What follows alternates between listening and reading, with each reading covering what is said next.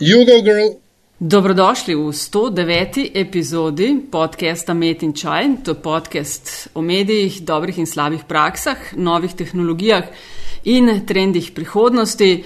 Gosti v medijih delajo, z njimi živijo in o njih razmišljajo. Gostitelja pa sva Nataša Briški Metina Lista in Aljaš Pengal Bitanc, Radio Chaos. Zdravo, Aljaš. Živijo. Nov teden, nov dvoteden, nova epizoda, Ja. številka 109 po vrsti. Um, mi dva sva še vedno dosegljiva na Afna Pengovski in Afna DC43. Um, lepa hvala za poslušanje. Aljaž, dobila sva prejšnji teden en strašno lušen mail.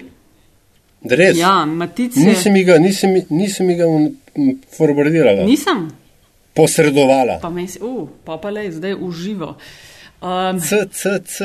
Matic je pisal, evo, le tako je rekel. Kot redni poslušalec podcastu Metine liste, hvala za super podcaste, ki ne samo da popestrijo dolgočasne ure na potovanjih, ampak so vedno tudi zelo konstruktivni. Zdaj pa del, ki mi je strašno všeč. Uh, kratek feedback na vajen zadnji podcast, Metinega čaja 107. Res kul cool se mi zdi vajen, vajen gender balance, kako poskušate uporabiti žensko in moško obliko, ker se mi zdi, da je še vedno, ker se mi zdi, da je še vedno prej izjema kot pravilo v slovenskih medijih. Super, klicaj. A, vidiš, zdaj se spomnim, si mi ga posredovala. Sem, sem, ta, točno ta del sem si jaz tudi zapomnil. A, in priznam, da, da vsaj kar se mene tiče, ne, ne, ne bi ved, nisem vedel, da to počenjam ali pa da počenjava. Ja, naravno nama pade, lej. Ja. To je to, ker sva uh, resna. Ja, ampak to, to sem jaz tudi strašno vesela te pohvale. Jaz tudi uh, uh, sem opazila, pol razmišljala, pa se mi zdi, da sem opazila, ja, da sva oba pri tem dost uh, solidna in striktna. Ja. No, skratka, ljudje, um, hvala, ker nas poslušate, uh, ker uh, klikate ocene v iTunesih, to vedno pomaga. Uh, in ko smo že pri um, enakopravnosti spolov, gender balance, ne zdaj po slovensko besedo, Nataša, na metini listi, vi a še spremljate uh, razmerje med gosti in gostjami v slovenskih informativnih programih. Um, veš, da smo v letošnji sezoni, se pravi 2016-2017, skupaj s Clippingom, s tem podjetjem, ki, ki uh, nam posreduje te analize, prešaltali na časopise. Se pravi, dve leti Ah. smo delali, dve leti in pišel, kako neredno to bereš, ali jaš je pela. Ti bom zdaj osebno posredovala po mailu, da boš na tekočem. Uh, ja, dve leti skrb smo spremljali, kar najbolj gledane informativno-analitske oddaje na televizijah slovenskih, zdaj pa um, analiziramo časopise. No. Ampak No, to, kratko. mogoče, lah, to je mogoče lahko vprašanje, ne, prvo vprašanje za najnega U, počakaj, današnjega gosta. pa ne. uvod, pa tako, ja, pa- se vem, je, se to pride. kar takoj, ampak, okej, veš, tako. ajde. Ne, ne, ne, ne, ne, pol, pol, pol. Ampak lahko ga napoveš, tako dalje. Zdaj pač poskušam napeljati. U, veš. da se pripravi. Ne? Ja, ja. Damo človeku fair warning. Igor Ebergant, TV Slovenija, zdravo Igor. Živijo. Zaljažen sva se že res zelo, zelo, zelo dolgo veselila tega pogovora. Upam, da ne preveč. Ah, bomo na koncu videli. uh, tako da um, imamo kup vprašanj za te pripravljenih, si eden. Um, Recimo najbolj znanih slovenskih novinarjev, veliko stvari si počel, um, veliko se lahko tebe naučiva. In uh, tako bova, uh, vsaj jaz, zelo odprtih ušes in uh, zelo zanimanjem poslušala, kaj imaš povedati o medijih, se bomo pogovarjali, o, o odmevih, kako jih ustvarjate in tudi tako o tvojih pogledih na novinarstvo in na medije, kje smo bili, kam gremo in kam bi recimo po tvojem, eh, kam bi ti zapeljal barko, če, če bi bil uh, za krmilom. Ne? Um, na začetku pa mogoče Igor čisto vsakega gosta oziroma gostjo enako vprašanje za tiste tri v Sloveniji, ki, ki te morda ne poznajo. Eh, Če lahko tako na kratko svojo eh, novinarsko kariero zaobjameš v nekaj stavkih. Kaj si počel, kje si počel? Ja, jaz sem na RTV Slovenija od leta 1984, eh, ko sem bil, eh, moj prvi izdelek je bil eh, redaktor prenosa otvoritve poletnih olimpijskih iger v Los Angelesu eh, Uh. tistega davnega leta. In od takrat sem v bistvu neprestano na RTV Slovenija, sem pa vmes in še počnem pa najrazličnejše stvari povezane z novinarstvom ali pa tudi ne.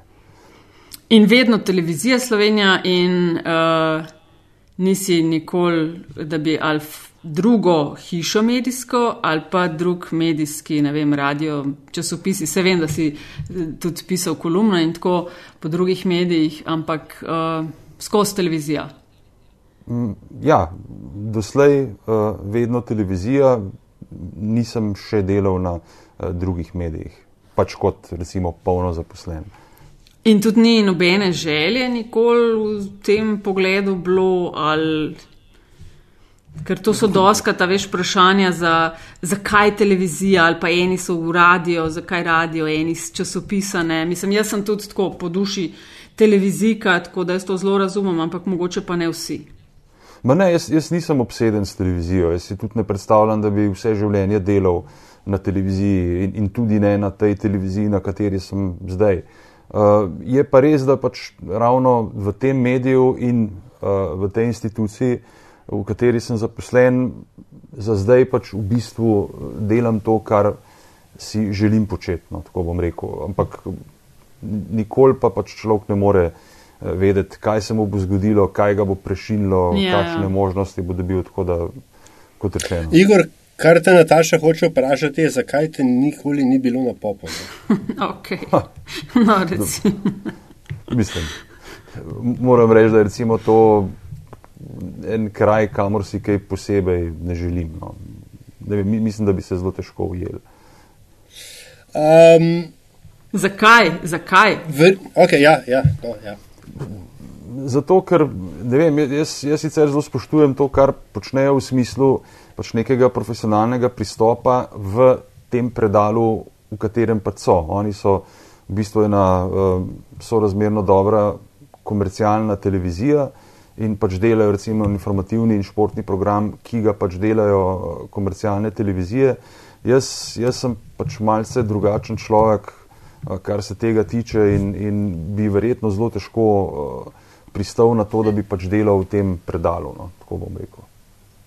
Igor, ti imaš v slovenskem medijskem prostoru relativno um, edinstven, edinstveno perspektivo, edinstven vidik. Ne?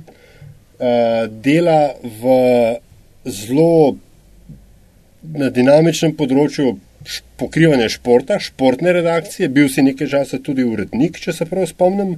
Uh, Sveda, um, moja generacija se te, um, te predvsem postavlja tebe in Tomaža Crkovnika na uh, komentiranje alpskega smučanja. Kar, kar, pomeni, vsak... kar pomeni z drugimi besedami, da si že tudi ti zelo star. Ja, ja, ja. ja. Lej, to ugotavljava iz epizode v epizodo. In pa, in, in pa seveda, uh, in pa seveda nogomet. Ne? Jaz osebno se vedno znova spomnim tvoje pripombe o. Um, žel, eh, se pravi, gelo za lase s citronko na laseh belgijske reprezentance, mislim, da je bilo na Euro 2000. Ampak, evo, lej, take stvari se pa človek zapomne. Po, po drugi strani pa seveda potem ta, um, kot rečeno, za slovenske medijske razmere nenavaden prehod v um, resni. Resne voditeljske vode, hard news od Mika. Zdaj jih boš fasal. Najprej od njega, ne, ne, ne, pa od njega hočem vprašati. Jaz, jaz sem odrihanja navajen, tako da lahko mirno nadaljujete. Ne, se ne Mo, vem, če moje, bomo v isti stvari govorili. Ne, ne, mo, moje, moje vprašanje je, ali je res to tolikšna razlika, kot se zdi od zunaj. No, uh, že samo dejstvo, da ste pač. To tako predstavlja. Ne, sem, ne nisva, evo, vidiš. Ne, ne, ne v, tem, tem, tem smislu edinstva. Ne, ne, ne, da pač ne, ka, kaže na to, da pač je slovenski medijski prostor dokaj uh, uh, Srečko Katanc, ki ga jaz imam zelo rad, bi temu rekel, partikularen, ne se pravi poseben. Zdaj, recimo, prvič to za slovenski prostor niti ne drži, ne? recimo iz športnega novinarstva je prišel na, v, v recimo temu resno novinarstvo Tomaš Terček, pokojni.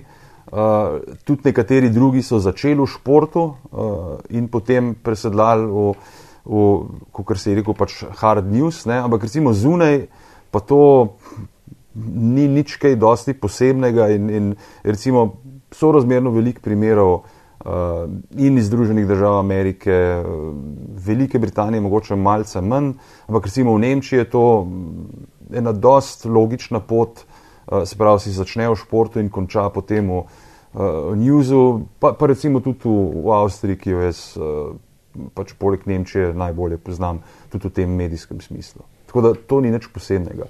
Ni, ni pa to kakšna posebna razlika. Mislim, to je oboje pač oba ta dela sta del pač neke, recimo temu novinarske obrti. Šport je zelo dobra osnova uh, za news, ker pač uh, moraš biti navajen delati uh, v oteženih razmerah, moraš, moraš biti navajen delati v uh, recimo temu neki obči histeriji, ko se pač nekaj mudi, ko je treba na hitro uh, se odzvati in to, to ti zelo pride prav v njuzu. Ja, to sem jaz v bistvu, veš, ta del uh, uh, sem mal, ker se mi zdi pogosto, da rečemo, je ok, športno novinarstvo, pa novinarstvo na različne načine opisujemo, uh, ampak pol rečemo pa za notranjo ali pa spremljanje zunanje politike, to je pa resno novinarstvo. Ne?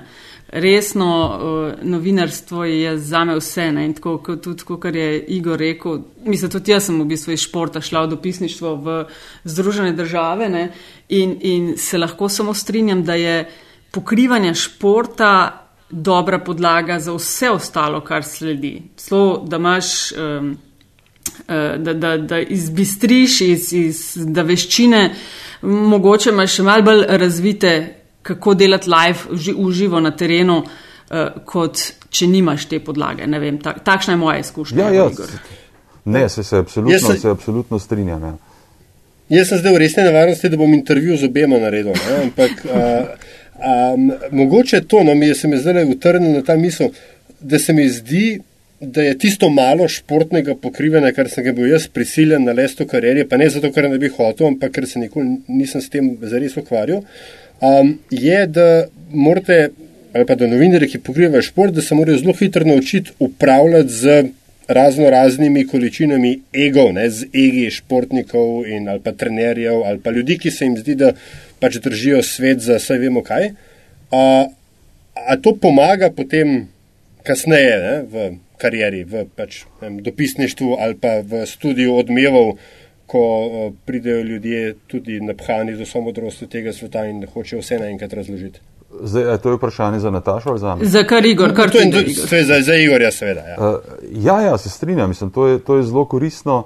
Uh, poleg tega uh, se mi zdi, da se športni novinar uh, zelo hitro nauči tudi poslušati sogovornika, uh, tudi zato, da pač v bistvu nekako miselno procesira odgovor na vprašanje, je sploh odgovoril na vprašanje, oziroma kaj s tem sploh hotel povedati. Spravo pač razviješ nek, nek čut za interpretacijo, mislim, da je pa še nekaj. Ne?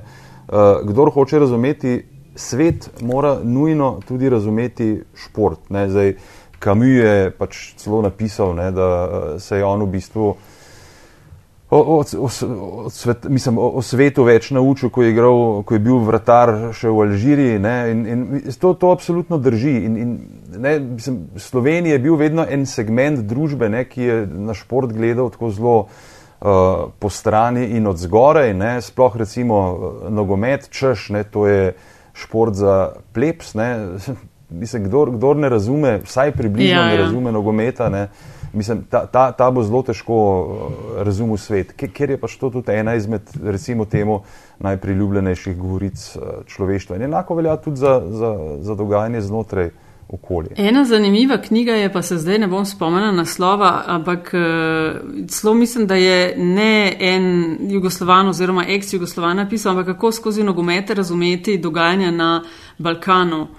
Pozabila sem res kakšen naslov, ampak ja, točno to, o čemer govoriš uh, skozi vem, navijače, organizacijo, uh, občinstvo na tekmah, uh, razumeti tiste strasti. Uh, ena stvar sem jo jaz recimo opazila, športno novinarstvo versus recimo druge sorte novinarstva.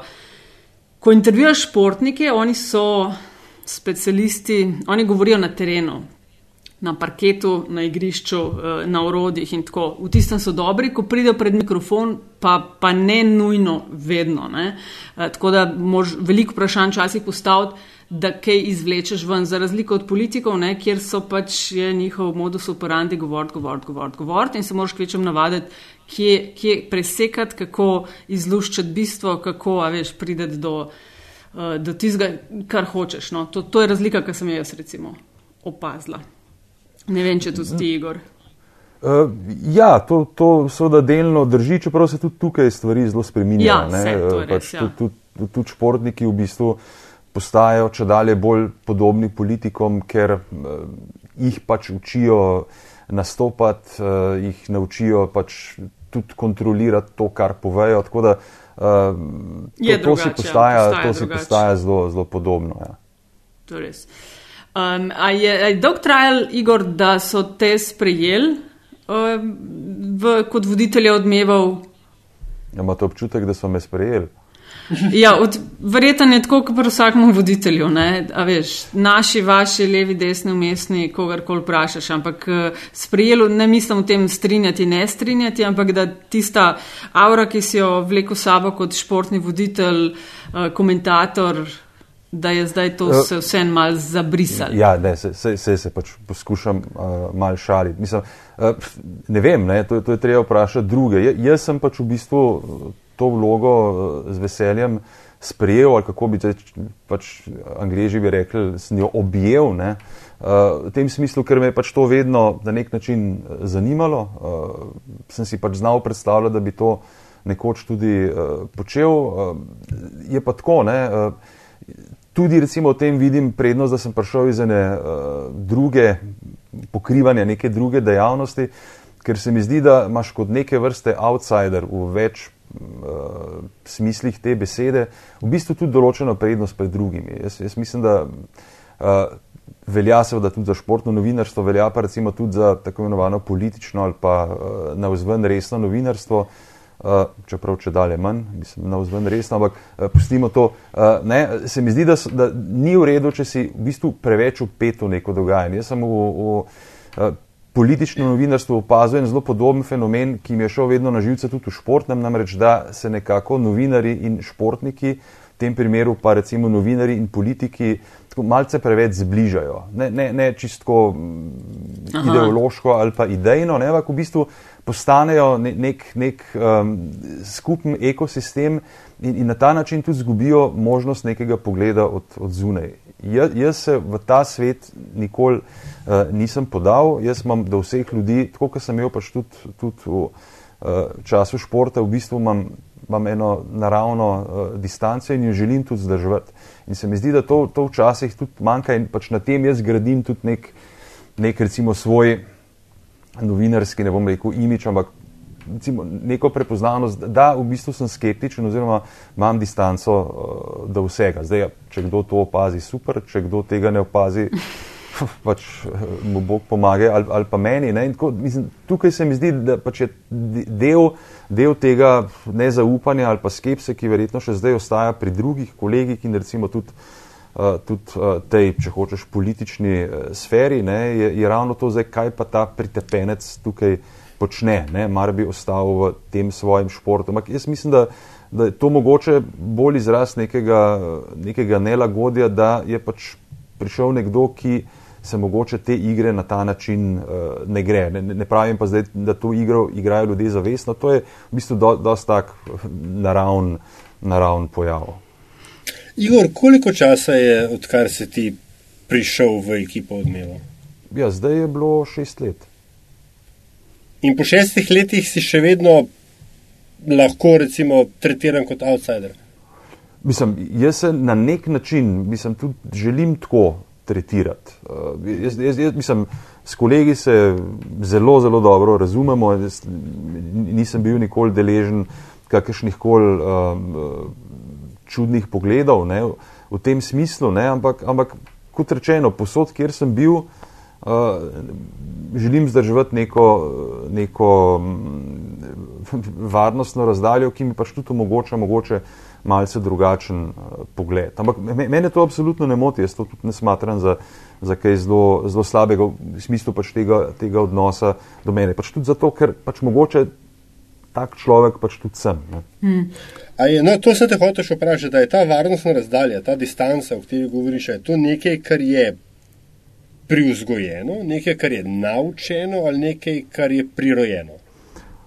Jaz bi rekel, da je verjetno predvsem privzgojeno, oziroma pač je prirojeno pač z nekim okoljem, iz katerega izhajam. Uh, jaz, jaz izhajam iz enega uh, multikulturnega in zato zelo odprtega okolja, ki je pač, uh, ali pa družine, ali pa razširjene družine, ki je pač vedno uh, funkcionirala ne v, v enem prostoru, ampak v več prostorih. In, in, Mislim, to je pač za mene nek normalen uh, pristop. Ja, pač takšna je bila tudi vzgoja, rekel, skepsa do bolj ali manj eh, vsega, uh, ne pač več virov informacij, več jezikov, več okolij, ki pač različno gledajo na, na neke pojave. Tako da, mislim, to je pač moja narava, tak sem, zelo težko bom postal drugačen. O odmevih še niso govorila, ne ali jaš? tako bolj podrobneje. Ne, Nispa, ne, ne, mislim, Igor je, ali, pa že, ali, pa, ali pa je že dolgo tega, kar se ja. Igor, a lahko uh, malo pišeš tako en poprečen dan, ko si ti voditelj, verjamem, da ima vsak mal svoj ritem, ampak vsem so pa ene stvari, ki jih skupaj počnete ali pa so ob določenih urah. A lahko poveš recimo tiste dneve, ko vodiš odmeve, uh, kdaj se to zate začne, kakšni sestanki so čez dan, tako, če nas odpelješ čez dan, hm. kaj se dogaja da dobijo ljudje ja, malo občutka. Jaz, jaz vas bom zdaj odpeljal malce stran, ker je to v bistvu bolj zanimivo vprašanje, kot se zdi na prvi pogled. Mislim, zdaj čistko, jaz recimo, ko, ko imam odmeve, sem jaz v službi od recimo tam nekje pol devetih, uh, pol devetih zjutraj naprej. Bolj ali manj vse čas, seveda z izhodi, uh, pač človek mora tudi jesti, piti, se mora pač uh, gibati. Uh, to predvsem velja za, za tisti dan, ko sem pač prvi ko imam pač prvi dan tega, tega turnusa. Ampak odmevi so, so v bistvu ena zelo. In potem imamo pač neke sestanke, kjer voditelji praviloma niti ne sodelujejo, v bistvu sodelujemo z dnevnim urednikom in turnusnim urednikom, pač z novinarji, ki prihajajo in odhajajo.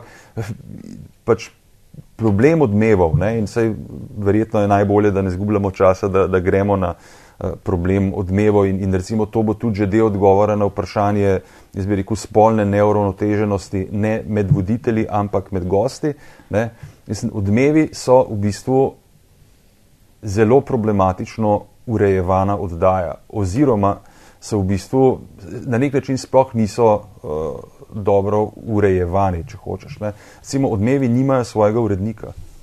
Ne, to je pač odmevi, je skupina nekih dnevnih urednikov, ki počenjajo tudi druge stvari, ki v bistvu niso vezani samo na to oddajo, ki, ki tudi nimajo neke zbriko, časovne kontinuitete, pač delajo en dan, pa potem dva dni nič, pa so potem spet en dan. Ampak v bistvu to, to se mi zdi eden izmed največjih problemov odmevov, spravo, da nimajo svojega urednika, da nimajo svojega uredništva in da na nek način nimajo tudi svojih novinarjev. In, in, uh, Recimo, odkar se je uh, fokus informativnega programa zelo izrazito, kar je seveda na nek način razumljivo, tudi zaradi eh, spremenjenih navad, preselil v dnevnik, ne, oziroma ta pač pas med 19 in uh, eh, 20 uro, ne, mi v bistvu v dnevih na nek način pobiramo samo še, ne bom rekel, drobtinice, ampak v bistvu smo uh, second hand oddaja. No. Recimo, pač nek, neki avtori prispevkov za dnevnik, potem dobijo nalogo še, pač še neki priprav za odmeve, če pač je ta ista tema. In to je na eni strani absolutno nespremljivo in to pač tudi ne more biti izhodišče neka, neka kakovost. Ne. Tako da tukaj imamo, imamo en siln problem, tako da ni, ni nekega. Planske, ni, ni dobrega planskega pristopa, um, v bistvu tem se lotevamo prepozno oziroma uh, premalo domišljeno. Mislim, to, to je, ampak to je, to je zrcalna podoba ne samo naše televizije, uh, ampak RTV nasploh in tudi medijskega prostora. No. Uh, in, in recimo tudi to, zakaj, kako se to pozna na, na uh, izboru gostov, zato ker enostavno uh, izberiku ni neke jasne politike, uh, izbire gostov, ne, ne, ne česa drugega, uh, ni, ni nekega jasnega pregleda. Mnoge, zlasti uredniške odločitve so preveč hipne, uh, včasih tudi panične in to ni v redu. Če bi, če bi uh, bolj smotrno načrtovali, bi seveda bolj mislili tudi na to. Tako da to, to je, to je kar, kar zelo problematično. Pa vse oddaje imajo uh, urednike. Zakaj odmevi nimajo? Večkrat nagrajena oddaja, uh, jaz mislim, da ljudje kar resno jemljajo. Zdaj gledanost v primerjavi z konkurenco je verjetno slabša, ampak uh, vse ni, ni, ni gledanost tisti uh, prvi moment, ki bi zanimal uh, nacionalno televizijo. Zakaj ni urednikov? Zakaj je ta odločitev? Je to odvedno tako bilo? Gled, Ali so v določenem momentu ukinili? Ne, pr prvič so bili nekoč, potem se je to mal reorganiziralo. To je vprašanje, ki ga jaz zastavljam svojim urednikom ne, in, in, in svoj, torej pač urednikom informativnega programa, informativnih oddaj, direktorci in tako naprej. Mislim, to, ampak, Kaj so pa odgovori? Od, ja, da se je pač to. Samo od sebe pač laufa. Da, da ni treba, ja, in da to je pač. Ne, se mi zdi, da se pač zanašajo na to, da pač to je itak ena oddaja, ki že ne vem koliko let pač je takšna, kakršna. In v tem jaz vidim ene, enega izmed ključnih problemov. Sej, mislim, da, da moramo biti pošteni in pač naj vedno človek pač pomete pred svojim pragom. Jaz mislim, da, da seveda bi, bi verjetno tudi voditelji uh, lahko za to naredili kaj več. Uh, mi, mi se pač ukvarjamo predvsem s tem, pač kako poskušamo uh, čim boljše odvoditi oddajo, kar je mislim, da kar je mislim, da prav. Um, ampak to, to, to je, to je problem, ki, ki ga pa pač prelagajo odgovorni pač na neke čase, ko se bodo lahko tega lotili, ker imajo toliko nekih odprtih, uh, odprtih zadev. Ampak, um, če bi mi, recimo konkretno voditelji in tudi, tudi dnevni uredniki na to uh, še bolj odločno pritiskali, verjetno neko stanje, ki, ki je trenutno, ampak to seveda ne more biti izgovor, da je oddaja takšna kot jaz. Mislim, da tudi v danih razmerah bi, bi morala biti uh, boljša. Uh, da, da to, um, jaz upam, da se bo to nekoč zgodilo, oziroma da bo to pač videli, da to preprosto ne gre. Kot rečeno, pač ta, ta fokus je zelo izrazit na oddajo ob 19. uri, kar je tudi. Razumljivo, ker so se tudi navade uh, gledalk in gledalcev zelo, zelo spremenile. Ampak to je, to je del uh, Eh, širšega problema. Mislim, tako je, ne, nekako ta, ta pramodel odmevov so zdaj začele prevzemati tudi eh, druge zgodnejše vdaje ne, in enostavno pač uh, veliko krat je tudi nekaj ozadja ne, in pač v teh pleških, plehkih časih je že nekaj ozadja, kar razumljeno kot neko uh, kapitalno ozadje ne, in to pač kar, kar pač je iz ozadja treba, treba uh, prikazati, to vse ljudje zvejo že prej na spletu, eh, v, v pač teh zgodnejših televizijskih oddajah. Tako da mislim, tu, tukaj počasi, ampak zanesljivo pač postajamo, kot bi rekel uh, gospod Trump, obsoletni. Um, no, Sveda sem te zdaj nekaj prav gladkega hotel vprašati, uh, mislim, pametnega. Pa si pozabil. Si hotel, how, how to pozabil, make odmevi great again. Ne, ne, ne. Um, Ah, lej, se, seveda mi bo prišlo, takoj ko bo Nataša postavila naslednjo vprašanje, sem spomnil. Nataša... Okay, no, pa mi pa, pa, pa Igor, mogoče to povej, uh, ok, čez dan so pač različni sestanki, je uh, voditelj zraven ni.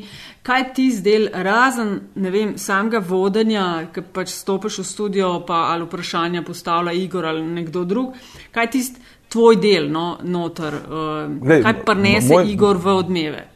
Glej, moj del je pač, da razmišljam o tem, da pač tej oddaji dam, jaz bi rekel, nek, to je vsaj moj pogled, pač nek, nek, nek, nek, nek logičn, neko logično sosledje, neko logiko, neko, neko razumljivost, pač neke, neke napovedi, ki v bistvu upravičijo to, kar, kar počnemo, uvedejo goste, seveda se moram pripraviti uh, na uh, pogovore z gosti, kar, kar je uh, seveda dokaj.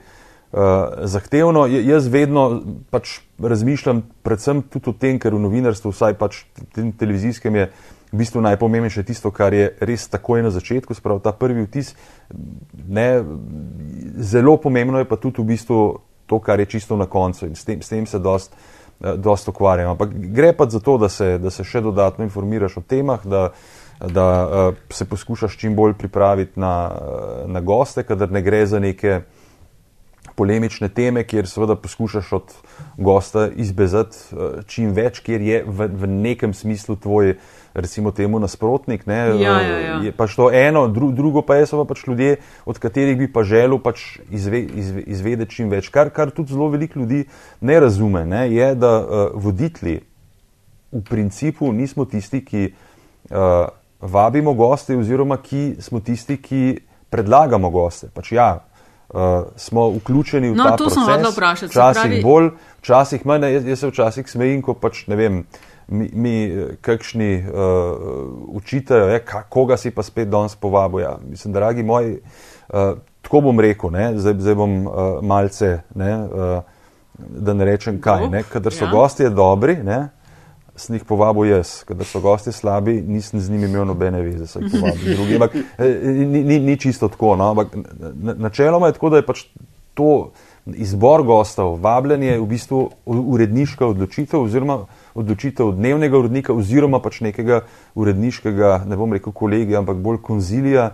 Uh, uh, pač čez dan. Ne? Uh, včasih pa seveda tudi poskušamo voditelji um, usmeriti tok v pravo smer, včasih se tudi z gosti, to lahko povem, v bistvu ne strinjamo, ker se, ker se nam ne zdijo iz različnih razlogov uh, primerni, pač imamo tudi izkušnje, kdo zna kaj povedati, kdo ne, ampak vča, včasih se moram reči, tudi jaz zavijam z očmi, ampak eh, je pa to seveda del profesionalne vloge, je popolnoma jasno. In če nisi urednik oddaje, in jaz, jaz mislim, da voditelj ne more biti urednik oddaje, sploh ne tiste, ki je, ki je eh, vodi, ne, potem pač moraš neko uredniško odločitev, pač hočeš, nočeš tudi, tudi uh, sprejeti, razen če to zdaj ni popolnoma v neskladju z neko tvojo etiko, sem potem pa pač je pa najbolje, da, da rečeš hvala lepa na svidenje in uh, zdravi ostanite. Ne. Se pravi, ti v bistvu na izbor tem, mislim, ti pač voditelji na izbor tem in kdo bodo gostje, več ali manj nimate uh, velik prstov zraven.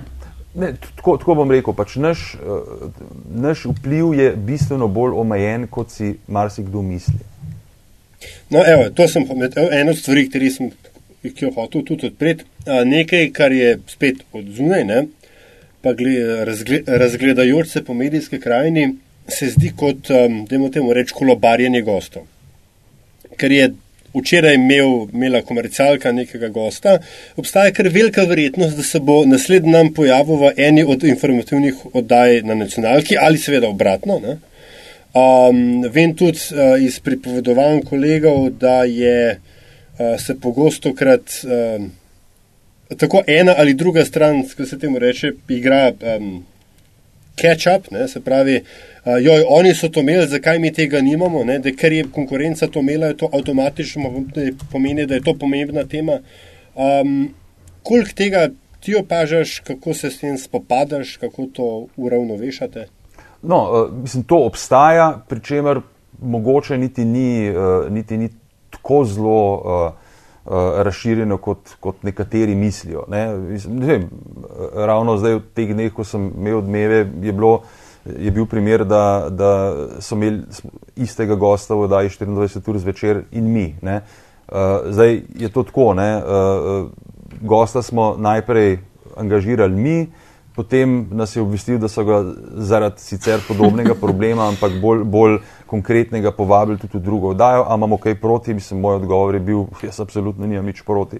Mislim, domnevam, da pač niso tako in tako isti ljudje, ki to oddajo, gledajo in, in mislim, jaz načeloma nimam pomislekov. Jaz, jaz recimo tudi absolutno ne obremenujem s tem, kaj imajo drugi in kaj ima konkurenca. Mene bolj zanima, kaj imamo mi ob sedmih in kako lahko pač na nek pameten način to to nadgradimo, ampak ne samo, kaj imamo ob sedmih na televiziji, tudi kaj imamo ob sedmih na radiju in, in tako naprej. In zdaj, uh, je pa dejstvo, da se pa na RTV Slovenija, zlasti na TV Slovenija, absolutno preveč ukvarjamo z komercialno konkurenco. Oni so komercialne televizije, oni v bistvu, predvsem tukaj govorimo Pop TV, delno tudi v kanalu, kanalu A, on, oni imajo svoj, kako se temu reče, core business in oni ga v bistvu z tega zornega kota delajo zelo dobro, boljše kot mi delamo našega, ne? se pravi pač uh, informativni program neke javnopravne uh, televizije. In zdaj, uh, ja, seveda je pač problem, ker bi vsak rad bil gledan, ker pač misli, da ker gledajo njega, bodo potem zaradi tega gledali tudi, tudi mene in pač mi potem počnemo nekaj, kar je preveč podobno temu. To je absolutno napaka in marsikdo bo pač na vzven rekel, ja, seveda, mislim, govorim o, o našem okolju na, na naši televiziji, mi tega ne smemo, ampak natančno to pa seveda naredi, ker je tudi sam obseden z, ali pa obsedena, da bom uh, gender neutral, ne, z, z, z pač, uh, gledanostjo, ker si pač misli, ja, če že delam, potem naj se to vsaj vidi. Dal bom en zelo, zelo uh, zanimiv primer. Uh, pred leti je uh, svet na kanalu A uvedel ta dramatični sedanik, ne, ki je. Potrkamo je, na vrata. In tako, ne, odpremo, nikogar ni, zapremo vrata in se odpravimo naprej. Lej, uh, to je absolutno legitimna forma, zlasti za recimo take mal bolj uh, revolveraške, tudi informativne oddaje. Nobenega problema. To na nek način čisto lepo sodi na komercialno televizijo. No, zdaj pa vprašanje za kviz za oba vaju. Koliko časa je menilo, preden smo na RTV Slovenija objavili prvi prispevek z dramatičnim sedanikom? Se pravi, koliko časa po uvedbi dramatičnega sedanika na svetu na kanalu A je trajalo, da smo tudi v, ob 19. imeli prvi tak prispevek? Ja. Jaz rečem tri mesece, ker to ipak javno RTV. Ok, Nataša. Um, zdaj, če se jaz prav spomnim, je ta dramatični sedanik se začel pod, uh, ko je uh, bil urednik sveta na kanalu A um, Bojan uh, Traven. To se je pravilno ugotovilo. Ja, um, zdaj pa bi skoraj si upala reči, da ste zelo hitri. No? Uh, ne bom rekla v par tednih, v kakšnih mesecu, dveh, pa da ste mogoče že. No? Ker na začetku se. A, a ste, a ste del oba, časa? Oba, oba, oba odgovora sta seveda popolnoma napačna. Trajale natančno 14 dni. Aha, no, no, ampak hitro, to, to, ja, to, to, ni, to ni bila uredniška odločitev, ne? to je bila pač ideja ene novinarke, ki si je pač to zdelo zelo v redu in, in je pač tudi sama, sama to naredila. Jaz ne pravim, da mora biti dramatični sedanik, ki je samo primer ne, eh, na nacionalni televiziji prepovedan. Ne, ne ampak je pač treba ga uporabiti v, v pravi meri, v pravih okoliščinah, pač zato da. Da, da ljudje pač tudi vidijo, da je pa stvar res resna, dramatična, uh, pač aktivna, ne, ne pa ob, ob vsaki, bom rekel, pasi procesi, ampak to počnemo. Ne, vsaka kopija je slabša od izvirnika to in to, to, to počnemo. Res, ja. V vsebinskem smislu to počnemo celo v oblikovnem smislu. Ne? Kar se pa oblikovnega smisla tiče, pa seveda naš problem tudi, da smo ena sorazmerno okorela institucija, ne? ki v bistvu nekega načina dela ni znala spremeniti v, koliko je zdaj od 50 let prejšnjega stoletja, skoraj 70 letih. Ne. Hočeš reči, da ste nas... zaciklani v procese, kakršni so desetletja nazaj veljali ali pa bi, bili v veljavi? Natančno, jaz znam tudi opredeliti, mislim, pač o, o tem sem pisal v diplomski nalogi že. že, eh, že ne tako dolgo nazaj, ja. Tak, ja, zelo dolgo nazaj. Ne, ampak mislim, to, to, je, to, je, to je res. Ne. Eh, televizijo so v Sloveniji postavili radici, radijski novinari in ne samo radici, ampak radici, ki so pač, dokler ni bilo televizije, pri nas gledali italijansko televizijo, ker pač ne, med Italijo in, in današnjo Slovenijo ni karavank. Eh, in, in zdaj jasno je pač v Italiji je pač ta, ta izpovedna moč besede zelo, zelo izrazita. Italijani ne govorijo samo uh, ne, z glavo, ampak tudi z rokami, non-stop govorijo. In pač njihov radio je non-stop govoril, in tudi televizija je non-stop vedno govorila. In ti radici so bili seveda navajeni na radijsko razmišljanje in so pač seveda televizijo razumeli kot neke vrste ilustriran radio. In mi smo ilustriran radio, če človek zelo pogleda, govorim vsaj v informativnem programu, na nek način še zdaj. Uh, do te mere, ne, da recimo uh, še zdaj ni možno v nobeni montaži informativnega programa narediti stvar drugače, kot se dela, jaz bi rekel, na veliki večini televizij, razni italijanskih in RTV Slovenija. Namreč, da najprej zmontiraš sliko in potem na to sliko posnameš tako imenovani voice-over. To je, by the way, tudi recimo ena funkcija, ki je na vseh pametnih telefonih, ki imajo tudi slikovno montažo, nekaj popolnoma običajnega. Ampak pri nas to ni možno. Zato, ker ljudje še vedno delajo na način. In jaz sem recimo človek, ki zdaj že od ne, konca 80-ih let razlagam, da bi bilo mogoče fajn imeti vsaj opcijo voiceoverja, ker je pač televizija vendarle slika ne, in pač je eh, zvok in, in govor v bistvu lahko samo neka dodatna pomoč pri interpretaciji slike, ampak gledaj, to, to, to pač ne, vsi pravijo. Ja, ja, ja, čak, čak, čak, ne, čak, prost, to, ne, ne, ne to prevedem zdaj, ker jaz kot radic, ne, ki se je pač ja. silo prilike moral začeti z videom ukvarjati, ker smo ipak v 21. stoletju. Če prav razumem, vi najprej posnamete tekst in potem skadri lovite tekst in ne obratno. To je, to je v bistvu, jaz bi rekel, 90 odstotkov primerih način dela. Zdaj, zdaj, ne, zakaj sem omenil karavanke? Zato, ker je televizija v Avstriji, ki je nastajala v popolnoma istem času kot v Sloveniji, ne, pa, pa imela drugačno genezo. Televizijo v Avstriji so postavljali večinoma ljudje iz filma. In tem je ta ključna razlika. In jaz sem recimo bil na ORF-u uh, na praksi konc 80-ih let, je tam bilo običajno, da si to so bile še kasete z magnetnimi trakovi, pri nas smo imeli umatik, oni so imeli nek, nek Panasonicov sistem. Ne, običajno delo, prišel si v montažo, kjer si postavil sliko, zraven oblikoval tekst, odnesel kaseto v Synchro studio in nasnel svoje besedilo. To ima še eno praktično prednost. Ne. Če ti reče urednik, poslušaj, hoče imeti minuto 25 sekund prispevka. Ja, logično, sliko lažje pač nastaviš na, oziroma zmontiraš, do, da imaš natančno minuto 25 eh, slike in potem temu prilagodiš besedilo. Kdor bo lovil minuto 25 z osnovo besedilom, ne, uh, mu bo teže to uspelo. Mislim, tako da to, to, to so pač neke ne, ne, neki stari vzorci, ki, ki se ponavljajo, ampak pač pričajo tudi o tem, ampak to ni samo problem RTV Slovenija kot take, to je v bistvu problem Slovenije kot take, ne, da, da smo v, v nekih zadevah zelo okorni, da, da, da, da, da v bistvu znamo neke stvari spremeniti samo, če se jih v bistvu popolnoma zradira in postavi na novo, še zlasti, če pride pač nekdo od zune in jih postavi na novo, kot se je recimo to zgodilo pri današnjem pop TV-ju s prihodom američanov. Ampak, gledaj, mizo imate pa novo.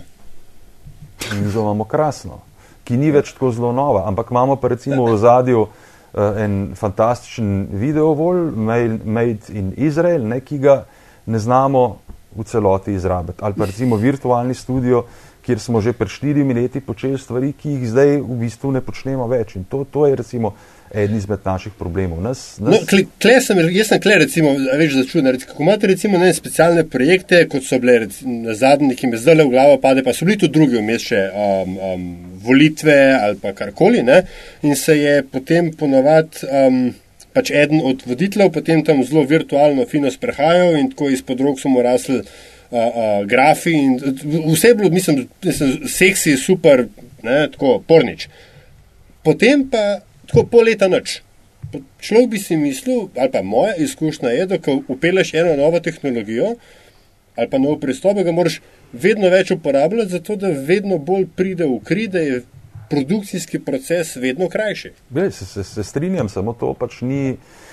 To je pač nekaj, kar je pri nas prej uh, izjema kot pravilo. Uh, in, in, ampak to, to je spet problem, ne, jaz bi rekel, ve, več desetletnih problemov, ne bom zdaj tudi za to krivil radicov in italijanov, ampak mislim, ne, obstaja, obstaja tudi pač nek urbani mit, ali pa tudi ne vem, če je to zelo urban mit, pa sigurno je, ne, pač kako je prej bilo vse boljš, kako so prej bili novinari na televiziji tako zelo krasni in tako naprej. To, oprostite, je, zdaj ne vem, lahko data tukaj pisk bullshit. Mislim, ve, vedno smo imeli na RTV Slovenije in na splošno v slovenskem novinarstvu dobre novinarje, vedno smo imeli tudi zelo slave. Problem je, da seveda, se je okolje zelo spremenilo v tem smislu, da zdaj so potrebe večje, vse je treba narediti hitreje, pač obvladovanje vsega tega, kar je, eh, kar je pač okoli nas in kar počnemo, je bistveno, bistveno težje. Ampak, mislim, jaz sem z mnogimi novinarji, tudi recimo temu nekdanjimi eh, zvezdniki, eh, rasel in, in sem pač to od blizu videl. Ne? Ja, seveda, eni so res bili vsega spoštovanja vredni in so, in so bili super, ampak super novinarje imamo tudi zdaj. Uh, in, in nekateri so bili pa uh, bistveno slabši od njihovega slovesa, pa, pa jih na ta način ne dajemo nič. Mislim, tako, to, to neki krasni prejšnji časi, mislim, to absolutno. A pa to, da se govori, ker jaz to pa recimo, evo, nisem vedela, da se govori, kako je bilo prej vse fino, super fajn, da zdaj pa je uh, slabše. Ne, ne, gled, to, to, se, to se zgodi ponavadi, kadar kdo umre in, in ne. A ja, in, oje, in, a ja, veš, ja, ja, ja. Ne, in, in, ne, in, ak, seveda, o mrtvih vse najboljše, ne, ker se seveda tudi ne morejo, ne morejo braniti. Ampak mislim, to, to je ena taka, en tak, tak pristop, ki, ki mislim, to, to razmišljanje ne, o tem, kako je bilo prej, vse, prej je bilo vse drugače. In, in, in to, in, Je pa, kar mene bolj skrbi, je v bistvu ta odsotnost profesionalizma, predvsem v uh, urejanju ali pa že, že v teh osnovah, se pravi, da v bistvu ne znamo delati po televizijsko, da zaradi tega seveda prispevke delamo bistveno dlje časa, kot bi jih morali, da tudi pač niso dosti televizijski, da, ni, da si ne znamo zagotoviti pač neke primerne grafične podpore, ker infografika je v bistvu zdaj. Um, to, kar Moderna. najbolj pleni. Ja. Ne, tako, ne, zdaj, to, to ima pa seveda še, še en primer, ne, mislim, še en, eno posledico, da, da seveda absolutno ne znamo izkoristiti tega, kar je zdaj okoli nas. To je pa predvsem govorimo o promociji, o, o, o dodatnih uh, virih, kjer lahko pač naše izdelke uh, bi lahko širili v javnost. Pač poglej, kakšno je delovanje uh, RTV Slovenija z, enim, z eno izjemo, recimo pač delom radija na socialnih omrežjih, kako jih izkoriščamo za promocijo naših vsebin. Mislim, Ja, Igor, lej, nobene. če bi šel na Pop TV, vse to, kar naštevaš, to ne bi bil problem. Bi mogoče bili tisti drugi, ki si jih prej izpostavil, ampak to pa gotovo ne. Je Ja, pa res, da bi ja, moral saj- SP odpreti. Ne, tako da, Ne, gled, gre, gre, gre za to, gre za to da, da pač, uh, ne, tu, tukaj nas čas eh, dobesedno uh, prehiteva po levi, desni, In od zgoraj in ja. od spodaj. Ne, in, in, in, mislim, to, to, to, ne, in, in, tukaj vidim, ne, se, se dosti pogovarjam, tudi ker sedim v programu. Kaj je rešitev, ja? In, in, ja, lej, mislim, rešitev. Ker to, o tem ena- tankerju RTV Slovenija se pogovarjamo že vrsto let in um, se mi zdi, da je še največkrat res bilo, bilo omenjeno, da to bi bilo teh.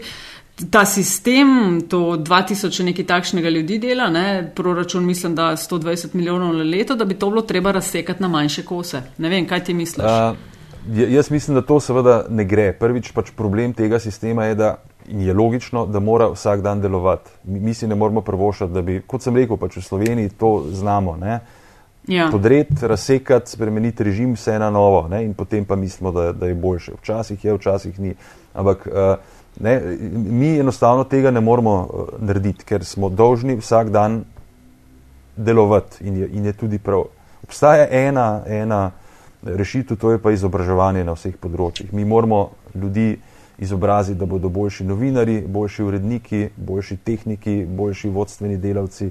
Uh, jaz, jaz bi celo rekel, da za to možnost imamo, ker smo del tega sistema EBU, ki seveda nudi ogromno možnosti izobraževanj. Jaz mislim, da je treba samo uh, se pač malce bolj odpreti, uh, malce bolj načrtno uh, pač v to se usmeriti in možnosti, ki so že na voljo, uh, uporabiti. Nič ni enostavno, predvsem jaz mislim, da bi morali narediti en popoln preobrat v, v razmišljanju, pač kaj, kaj nam lahko pri tem pomagajo socialna omrežja in pa vse te nove možnosti, ki so.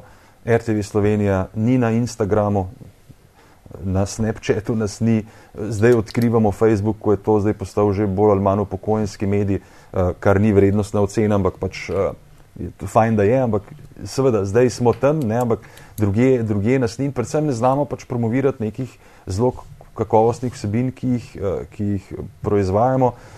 Zlasti na televiziji, radio je tukaj bistveno um, bolj okreten, so recimo zelo dobri primeri dobrih praks, ki jih predvsem recimo um, naš radijski kolega Praprotnik uvaja, ampak ne vem, frekvenca X, uh, določene vdaje, ki so, ki Ja, so recimo krasno, tudi na ja. podcastih in tako, ne, ampak televizija tega, tega v principu uh, nima, ampak RTV potrebuje neko, neko skupno strategijo, kar se pa pač pogovarjam z odgovornimi, pa bi jaz rekel, da sicer se tega problema zavedajo, ampak spet imajo toliko nekih drugih gradbišč, da, da se jim pač zdi, da je to ena stvar, ki jo pač morajo preložiti na kasneje. Da bo stalo še nekaj časa, lopate Ja. zapičene. Ampak, ampak ni, ni, ni rešitev pa, da zdaj to razsekaš. Da bi na manjše uničiš, kose ne. bolj agilne, bolj fleksibilne, to pa ne.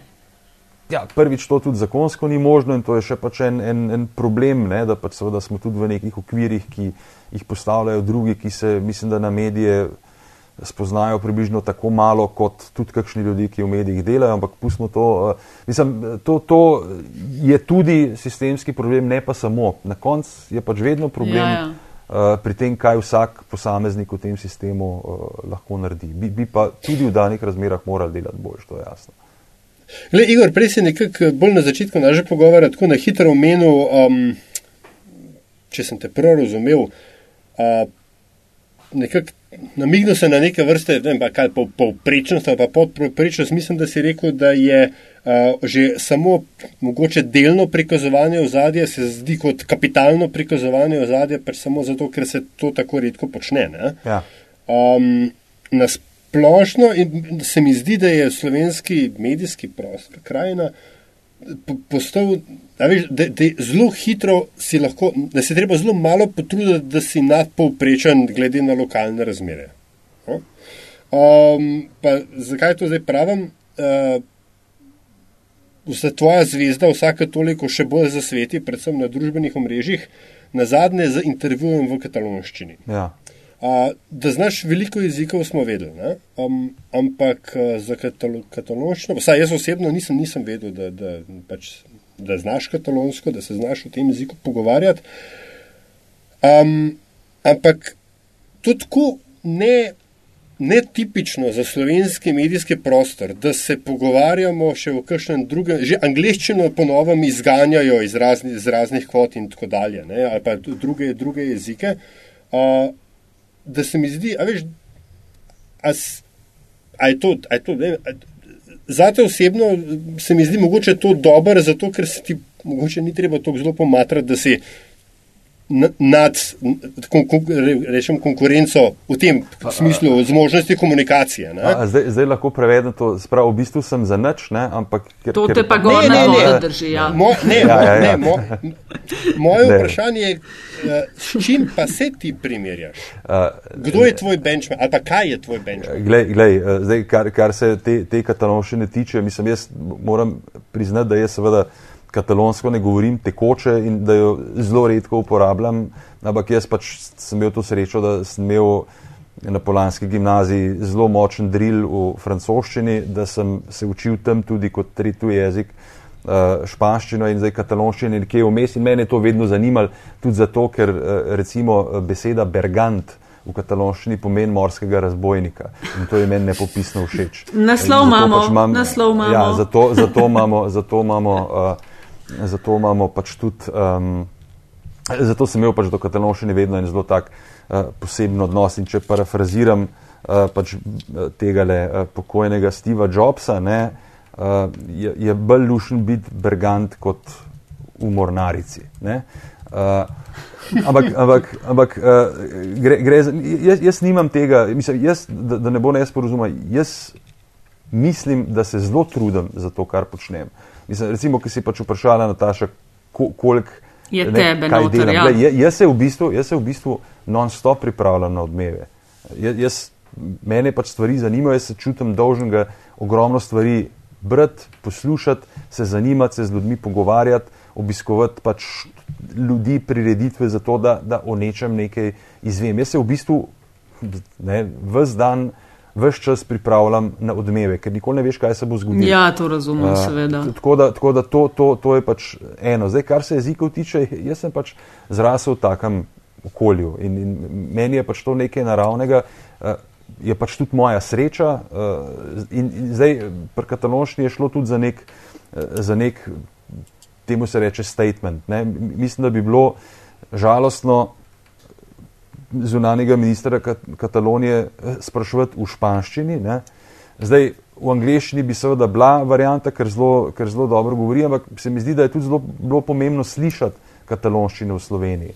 Ne zato, ker bi zdaj na ta način neko agendo, da zdaj pa mi mislimo, da se Katalonija mora odcepati. Ne, ampak jaz sem hotel na ta način tudi spomniti Slovence, kako ne, smo mi, ne vem, 30 let nazaj gledali na stvari. Ne, na ta način mogoče bolj razumeti, o čem vsebinsko ta gospod uh, govori. Ne, se je zelo zanimivo, da so pač na ta način to tudi v Kataloniji uh, to razumeli. Ampak uh, ne, jaz, jaz mislim, da, da mislim, Slovenija ni neka ekstremna država po, po tem, da, da pač zdaj je poprečje takšno, kakršno je, in potem pa pač malo treba migniti, pa, pa si že uh, nad poprečjem. Odvisno od, od ljudi, uh, pač, ka, kakšne delovne navade imajo, kaj, kaj jih zanima, kako se stvari, stvari uh, loteva. Tako da, mislim, ne vem, jaz mislim, da seveda pri nas je dosti poprečja, ker pač verjetno eno okolje z dvema milijonoma ljudi si to težko, mislim, težko na vseh področjih je, je tako zelo uspešno in vrhunsko. Uh, ja, so pa seveda določene okolja, kjer, kjer uh, mislim, določeni segmenti te družbe, kjer je pa ta odličnost, pa seveda na precej višji ravni te poprečnosti, ne vem, recimo znanost uh, ali pa v nekem delu šport, ampak nasplošno Je, je to z jeziki, le če lahko. Ja, sej, če, Mariša Pohar, no, se je, ja, se je to, krada, tako, ja. to krada pohvalila na, na, na, na polanah, vedno je rekla, ja, ampak veste, Igor Bergant, to, on, on, je pa, on je pa moj, on je pa naš gojenc. A ti si tudi poljan? No, ja, jaz sem, sam, jaz sem v Nemščini, jaz sem v Nemščini ruščino, tako da jaz sem to slišal te zgodbe. Ampak, ampak glej, ne, Mariča Pohar, na, naša razredničarka in, in, in učiteljica francoščine, ne, uh, mislim, ona je recimo tipičen primer človeka, ki in učitelj, zato sem jaz recimo velik, velik fan izobraževalnega sistema in javnega izobraževalnega sistema. To je pač nek, nek to je bil nek, pa še vedno je med nami, to je nek človek na mestu. Pač, uh, bom dal sam primer, jaz, ko sem prišel na Polansko gimnazijo, nisem govoril niti besede francosko. Uh, jaz sem pač doma, sem znal pač slovensko, pač te, recimo temu srbo-hrvaške jezike, pa nemški, ker je pač materin jezik mojega očeta, uh, bila nemščina, učil sem se angliško 8 let v osnovni šoli, kar je bila tudi sreča. Jaz sem prišel na Polansko gimnazijo, nisem znal nič francoščine. Po štirih letih res njenega drila sem znal francosk bistveno boljš kot anglišk. In mi je v bistvu francoščina pomagala pri, pri angliščini. To, tako pač je, če naletiš v življenju in imaš srečo na človeka, ki predano in res kakovostno upravlja uh, svoje delo in poslanstvo. In take sreče v, v različnih maričah, pohar sem imel še kar nekaj. Govorim tudi o starših, širši družini ali pa ljudeh in to pač res je, res je moja, moja sreča. Tako da ne, to, to se marsikaj da, ampak Mariča ni, ni pomagala samo meni in samo s francoščino, ampak je zelo velik ljudem pomagala, ker pač je tak človek, kakršen je. Jaz si samo no, kapo dam dol.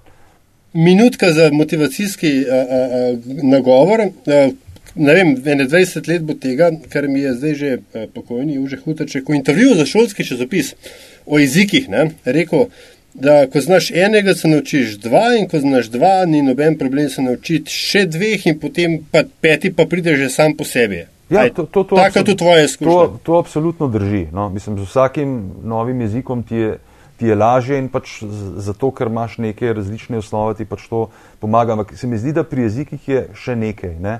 Uh, vsak nov jezik, ki ga tako ali drugače obvladaš, ki ga, ki ga govoriš, ti, ti v bistvu da neko novo perspektivo na življenje.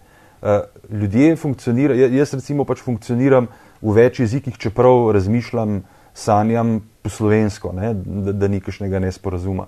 Ampak, ko, ko ti bereš nemško, ko se ti pogovarjaš nemško, si v, v nekem smislu malce drugačen, kot ja, ja. če se pogovarjaš ali pa, ali pa razmišljaš slovensko. In to se mi zdi zelo pomembno. Pač, ne, ne mislim, da, da si potem pač neka razcepljena, razdvojena, raz, razstrojena osebnost, ampak imaš nek, nek hint, ne, neke malce drugačne perspektive. In ja, recimo, da je to moja sreča, moja prednost, da na vsako stvar pač skušam pogledati tudi z, mal, z mal, več, mal več zornega kota, pa z mal več skepse do vsega in istočasno pač tudi, tudi odprtosti, da pač pridobiš nek, neko informacijo, znanje, nek pogled, ki ti mogoče stvari uh, osvetlijo tudi, tudi drugače. Tudi, tem je tudi uh, stvar teh jezikov. Jaz sem imel zelo zanimiv primer pač enega, enega um, človeka, ki je pač sin uh, Hrvatice in Srba, je pa zrasel v Nemčiji. Ne?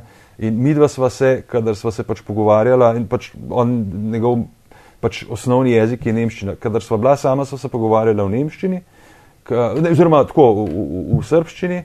Kadar sva bila v neki družbi, kjer so znali nemško, sva se pogovarjala v nemščini. Kadar sem bil pač nekje z, z njim v družbi, ko je, pač, ko je bil jezik angliščina, ne, smo govorili v angliščini, vsakokrat je bilo drugače. Ne? In tudi vsakokrat smo se nekako drugače ujela. No? In to, to je na nek način lahko ena zelo velika prednost. Poleg tega, da seveda pridobivaš informacije iz prve roke, tega, tega, teh informacij iz druge, tretje roke je itak v tem ponorelem, histeričnem svetu, ki je tak tudi zato, ker ga takšnega pač delajo mediji itak preveč. Je pa znanje jezikov uh, res, bi rekla, eno zelo pomembnih ko se enkrat odločiš ali pa ko se greš novinarstvo. Kaj, kaj je bilo v bistvu Igor Partep, ki si rekel, da hočem biti novinar? Je bilo to, da v bistvu si naravno nekako odraščal v okolju uh, oče, stric novinarji ali zakaj si ti sam hotel biti novinar? Mislim, zato ker sem spoznal, da je pač to res eno zelo zanimivo, uh, polno življenje, ki ga lahko živiš, če si novinar. Uh, pač z vsemi, z vsemi uh, pomankljivostmi, ki so. Recimo, oče je bil zelo malo doma, zato pač to je spet bilo, ker je bil zelo malo doma, smo zelo veliko potovali, ker pač takrat, ko je imel čas. Uh, kar je spet bilo, da, da sem pač sorazmerno velik Evrope ali pa sveta, sveta videl že kot otrok. In pač tudi to, to neko njegovo prijateljsko okolje. Uh, Ne, recimo, ne vem, en izmed mojih vzornikov, Andrej Novak, uh, pač bivši komentator zunanje politični dela, uh, Lukata v oče, mislim, oče Lukata Novaka, ja, ja. kasneje šel pač Andreju diplomacijo. Recimo, to je en izmed mojih vzornikov, poleg očeta, seveda. Mislim, pač, ko, ko vidiš, ne, kakš, kakšni ljudje lahko delujejo v tem okolju, ne, ko, ko pač spoznaš vse te možnosti, ki ti čist, čisto v nekem duhovnem razvoju pač to, to nudi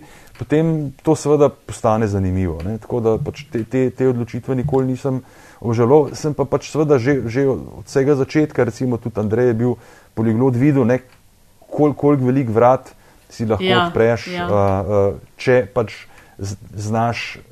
Več jezikov. Ali jaš, ti sicer nisi tega študiral, to ne vem, če sem te kdaj vprašala. Kaj pa tvoj drive? Zakaj se rad greš novinarstvo?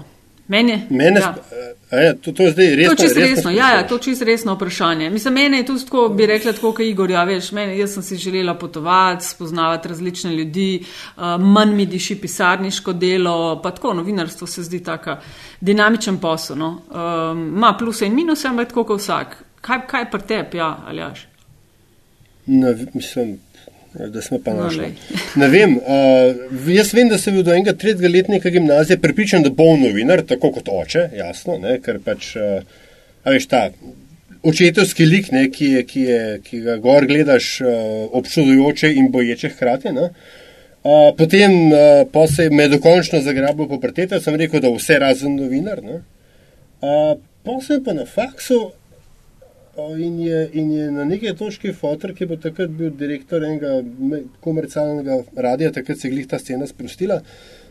Uh, je rekel, ti enega tehnika rabim in pač moj fotor ni glih kaliber. Je rekel, a ti bi, ne? in moj fotor ni glih kaliber, ki bi mu gladko rekel, ne, ne bi. Ne? Uh, Pa, pa je tako, veš, kot pri Hemingwayu in mačkah, ne? one thing just led to uh mhm, -huh, another. Uh -huh. uh, in, veš, pa sem pa ugotovil, da, da, ja, da se da, da se iz te se da pa kaj narediti, da pa če malo drugače pogledaš, se da pa tudi kaj drugače postaviti. Ne vem, lej, sej, ne vem, okay, jaz lej, se razmislil, pa ja. mogoče še v kjer od ja. naslednjih epizod dodal.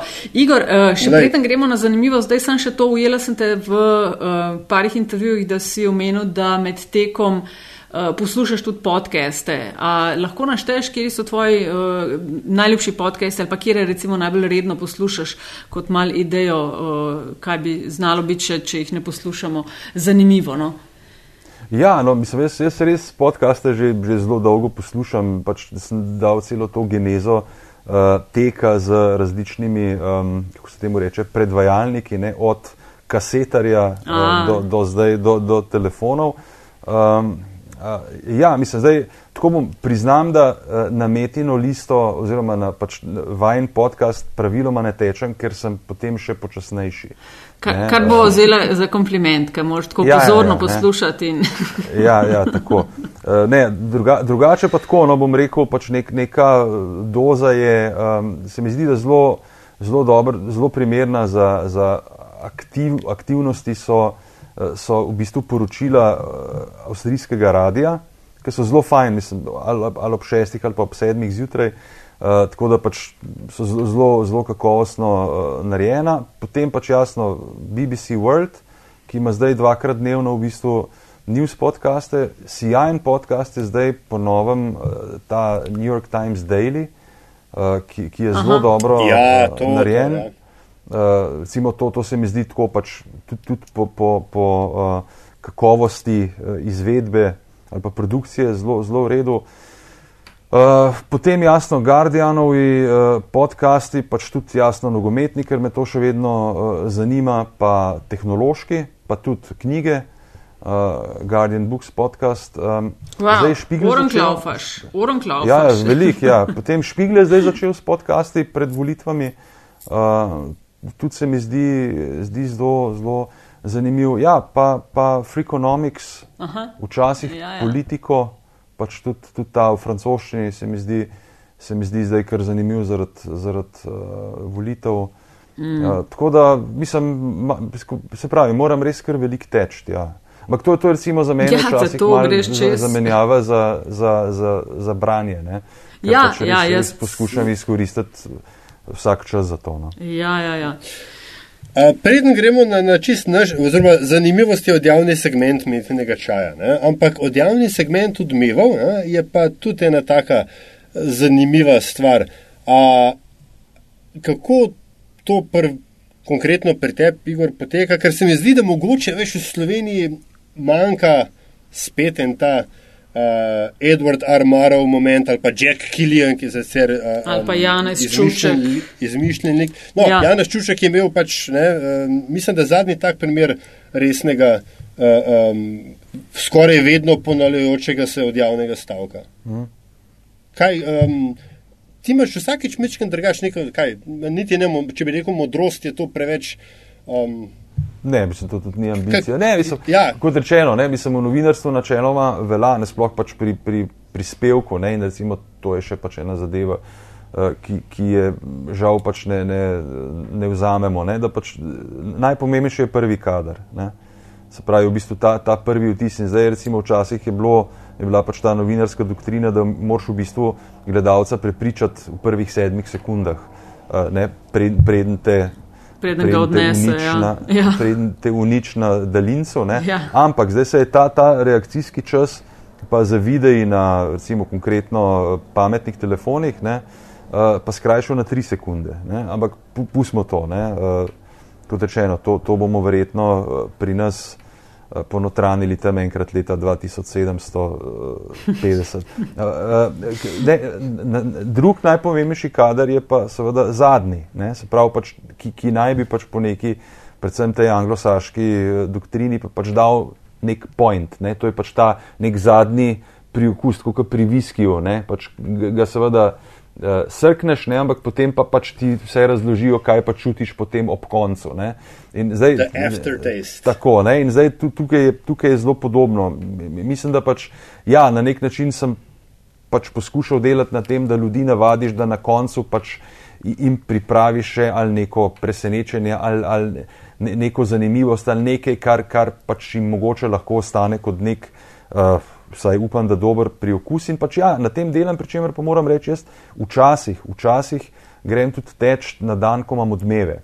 Uh, tudi recimo, če se izide, ker pač kar se tega tiče, sem zelo organiziran in, in si veliko stvari pripravim že prej. Ne? In mi včasih celo uspe, da grem teč tisti dan, ko imam odmeve. In takrat, ko pač vem, kje je teme bodo, se mi v bistvu misel utrne ponavadi med tekom, oziroma razmišljam tudi med tekom, kaj bi bilo možno na to. Včasih je pa stvar čisto spontana uh, in, in, in, in jo pa seveda napoveduje pač nek zadnji prispevek, ki, uh, pri katerem pa tudi ni neke enotne uredniške politike. No. Da, da, ampak se mi zdi, da pač kombinacija nekega pointa, spontanosti, ampak vendarle pač tudi, tudi nekega premisleka, to, to se mi zdi v principu uh, pač ne, nek način dela, no, ki ga imam pri tem zadnjem. Mm -hmm. Ok, pol pa lej, pa smo pa hvala Igor za, za vse povedano. Um, in tako, kot je Aljaš rekel, ne, naša odjavna špica je vprašanje, da, ki je vedno enako, gost oziroma gosti, povprašamo pa kakšni zgodbi, zanimivosti, priporočilu, ki ga je pripravljen deliti z občinstvom in to je lahko zelo karkoli, tako zelo različne uh, ideje, zgodbe, anekdote smo imeli. Uh, evo, ti si na vrsti. Ja, to, to, to je vedno tako, pač pa ljudje hoče slišati, če ja, poveste še kakšno anegdoto. Ne, pa se ni to ne, tako, to, zdaj vic pa. Ja, vem, vem, vem. Ne, ne, ne, ne, ne, ne, ne, ne. Uh, mislim, da dobro, no, čistko, mogoče, mogoče bolj, bolj namenjeno aljažu, ki je pač človek iz, iz radija. Um, jaz sem bil, ko sem bil otrok, sem bil zelo velik fan Butenskale, uh, kar mislim, da je bila tudi zelo dobra šola za življenje. Mislim, da to, kar zdaj doživljamo, zelo spominja na, uh, na, na, pač to, kar, kar je. Uh, no, ampak uh, hočem povedati, pač bil sem res velik fan do te mere, da, da sem v principu znal na pamet, da sem se zelo trudil tudi, tudi te like um, oponašati in, in sem pol, kako bi človek rekel, svoj trenutek. Priložnosti doživel, ko je enkrat na radiju eh, nacionalnem eh, gostoval Emil Filipčič, ki je celo tako, da je pač nekako sprejemal klice poslušalcev in potem sem jaz, po mojem, sem bil star tam 12-13 let, sem se upogumil in sem ga v bistvu poklical. Ne. A ja, no, še to je treba povedati, pri Emilu takrat, mislim, on je velikrat nastopil pač v nekem, jaz bi rekel, stanju, v katerem ni dobro voziti. No, in, in mislim, da, mislim, da tudi takrat na radiju je to bilo uh, čutiti. Jaz, jaz sem se pa tako pač čutil pogumnega, da sem pač po telefonu sem pač poklical in, in sem ga potem skušal v bistvu z njegovim Valentinčičem uh, presenetiti. Ne? In, in pa, pač, ko sem prišel na vrsto, ne, sem rekel: Živijo, živijo, Emil, kako skej prijatelj str. No in, in eh, nekako se mi zdi, da je to pač Emila eh, v etru, nek in nekaj tazga ni pričakoval, da ga je sorazmerno vidno oziroma slišno zmedlo. Eh, oziroma je, je mogoče pomislil, da pa zdaj pa stvar reže mal, mal preveč. No, tako da pač to sem si tudi posnel, ampak sem potem to kaseto. Zgubil sem, sem zdaj pa fanči, tudi lepo, lepo. Fanči je bila zelo v redu. No, tako, da, tako da to sem hotel povedati, več pa ne. Super je, Igor. To je ja. zdaj za te oddaje reality, ki bojo oponašanja. Se pa nimam za eminenco, nikakršna eminenca nisem. Če, Kaj ti delaš ob petkih zjutraj, da ni slučajno na prvem programu pri Hribarju? Veš kaj, veza je nekaj slaba, Ni, nisem, nisem dobro slišal vprašanje. Ja. je že v redu, za drugič. Je že v redu. Bomo drugič o tem. Igor, Evgen Bergant, lepa hvala za gostovanje v Metinem čaju. Ja, strašno, strašno zanimivo je bilo poslušati. Uh, tvoje misli. No? In, in to, in, da in si delil. Pred, so... in, in seveda predolgo. Ne? Zdaj upam, da ljudje ne bodo na to tekli, ker če ne bodo imeli na urgenci mogoče malo preveč uh, primerov. Ne? Uh, oziroma, ne, me res zanima, kako boste to rezali. Nič ne bo rezala, zato ker kadar so ne, stvari ne dobre, je vse prekratko, ni nič predolgo. Da... Hočete povedati, več smo naredili za isti denar. Ve... To jaz tudi vedno rečem, tudi, to jaz vedno tudi rečem, kadar imamo mal predolge odmeve. Čeprav ja. moram reči, da kar se tega tiče, sem pa zelo ponosen, da, da pa grem zelo redko. Uh, čez minuto. Ampak to zdaj vidiš, ja, tako, z manj smo naredili več. več. Ja, ja, za ceno enega ja. so dobili, ura deset, kaj tacka. Ja. Še več. Ja, ja. No, dobro, bo, dobro, bo, super. Ej, ja. Igor, hvala, vse dobro v tem, kar počneš. Uh, pa mogoče se le kdaj na kakšnem uh, uvinku ujameva, ko tečeva. Ja, enako si. Če te bom ujela, ker ti imaš, ti si hiter, kot uh, jaz, jaz mislim, ja. da, da bi me. No, ampak. No, no, vi, oba vaju v hrbet gledam, ja, tako da je v redu. Ej, hvala. ja. Hvala ti. Hvala vama, srečno.